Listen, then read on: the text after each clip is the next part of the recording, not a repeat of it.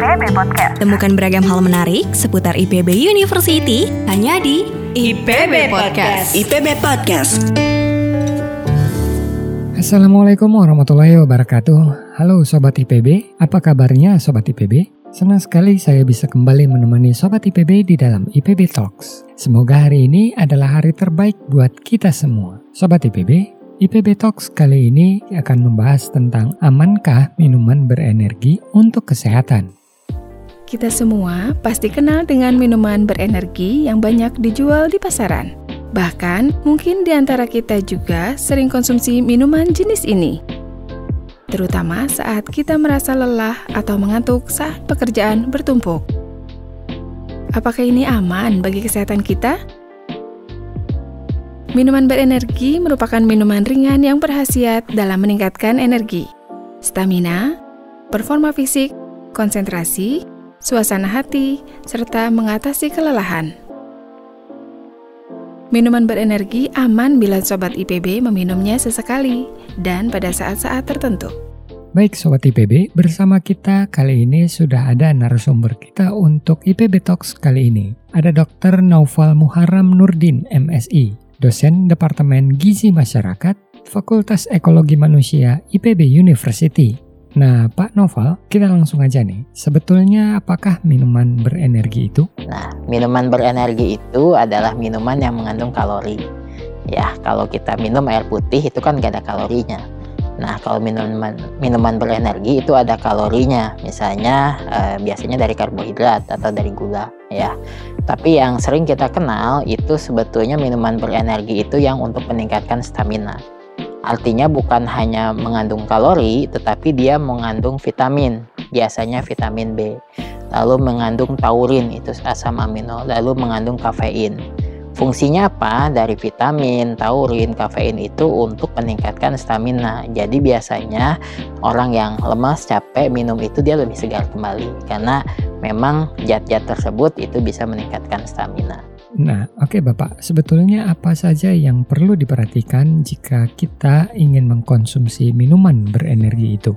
Uh, jadi yang perlu kita perhatikan itu apakah ada BPOM-nya atau tidak.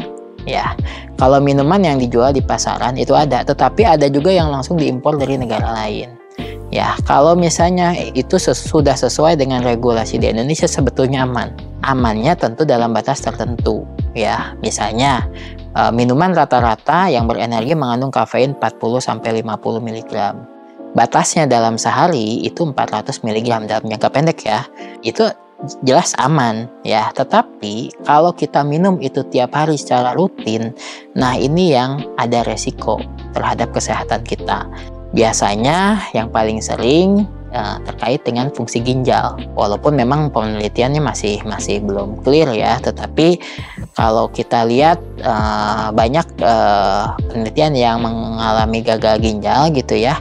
Kalau kita uh, tanya, biasanya mereka meminum minuman berenergi dalam jumlah cukup banyak. Walaupun belum diketahui apakah minuman berenergi itu yang merusak ginjal atau karena dia mengalami gangguan ginjal, tubuhnya kan lemas agar dia bisa fit dia minum minuman berenergi lebih baik. Nah kalau misalnya kopi atau kafein kan dalam jangka panjang juga ada efek buruknya bagi kesehatan kita ya. Nah kalau misalnya untuk minuman berenergi ini sendiri apa sebetulnya efek sampingnya jika rutin mengkonsumsi minuman berenergi ini? Minuman berenergi ini kan ada ada beberapa.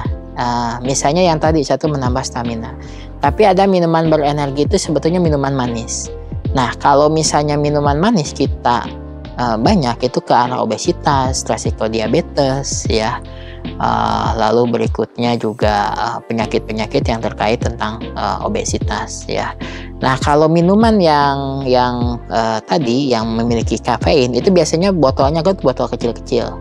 Nah, itu nanti efek sampingnya terkait tentang efek samping uh, hipertensi, jantung berdebar, gelisah, tidak bisa tidur. Nah, itu efek samping untuk minuman-minuman yang tadi meningkatkan stamina. Nah, tadi kan Bapak sebutkan kalau misalnya efek sampingnya itu akan lebih banyak disebabkan karena adanya kandungan gula atau zat manis yang ada di dalam minuman itu, serta ada kafein juga di situ ya. Nah, selain itu sebetulnya aman nggak sih minuman berenergi ini untuk kesehatan? Oke, pada prinsipnya minuman berenergi itu aman selama tidak rutin. Ya, jadi nggak boleh kita minum tiap hari gitu ya. Termasuk uh, karena batas aman itu adalah kalau kita minum untuk sesekali, okasional gitu ya. Ya, lagi capek, lagi apa minum sekali. Tapi kalau tiap hari, nah ini yang berbahaya. Nah, sebetulnya sangat menarik sekali ya. Dan sebelum kita selesaikan ya Pak, ada nggak sih pesan-pesan buat Sobat IPB di luar sana yang biasanya suka mengkonsumsi minuman berenergi ini? Nah, yang pertama adalah uh, usahakan tidak minum ya. Cari minuman-minuman yang lebih natural, misalnya kopi ya. Kopi pun bukan kopi saset instan. Karena kalau misalnya kita lihat itu mungkin uh, kopinya cuma 10% kurang dari situ tapi emang kopi asli itu lebih yang natural atau teh teh juga mengandung kafein ya Nah, kalau untuk minuman-minuman yang tadi itu boleh saja diminum, tetapi jangan dijadikan uh, rutin, apalagi jadi gaya hidup, ya. Maksudnya tiap ketemu minum itu, ya. Tiap mau belajar minum itu, tiap UTS dua minggu minum itu terus. Nah, itu yang uh, tidak bagus untuk kesehatan. Sobat IPB, selama dikonsumsi sesuai dengan anjuran, minuman berenergi dapat membuat kita lebih berstamina. Baik Sobat IPB, terima kasih sudah menyimak IPB Talks kali ini. Kita ketemu lagi di episode selanjutnya. Wassalamualaikum warahmatullahi wabarakatuh. Ragam hal menarik seputar IPB University hanya di IPB Podcast. IPB Podcast.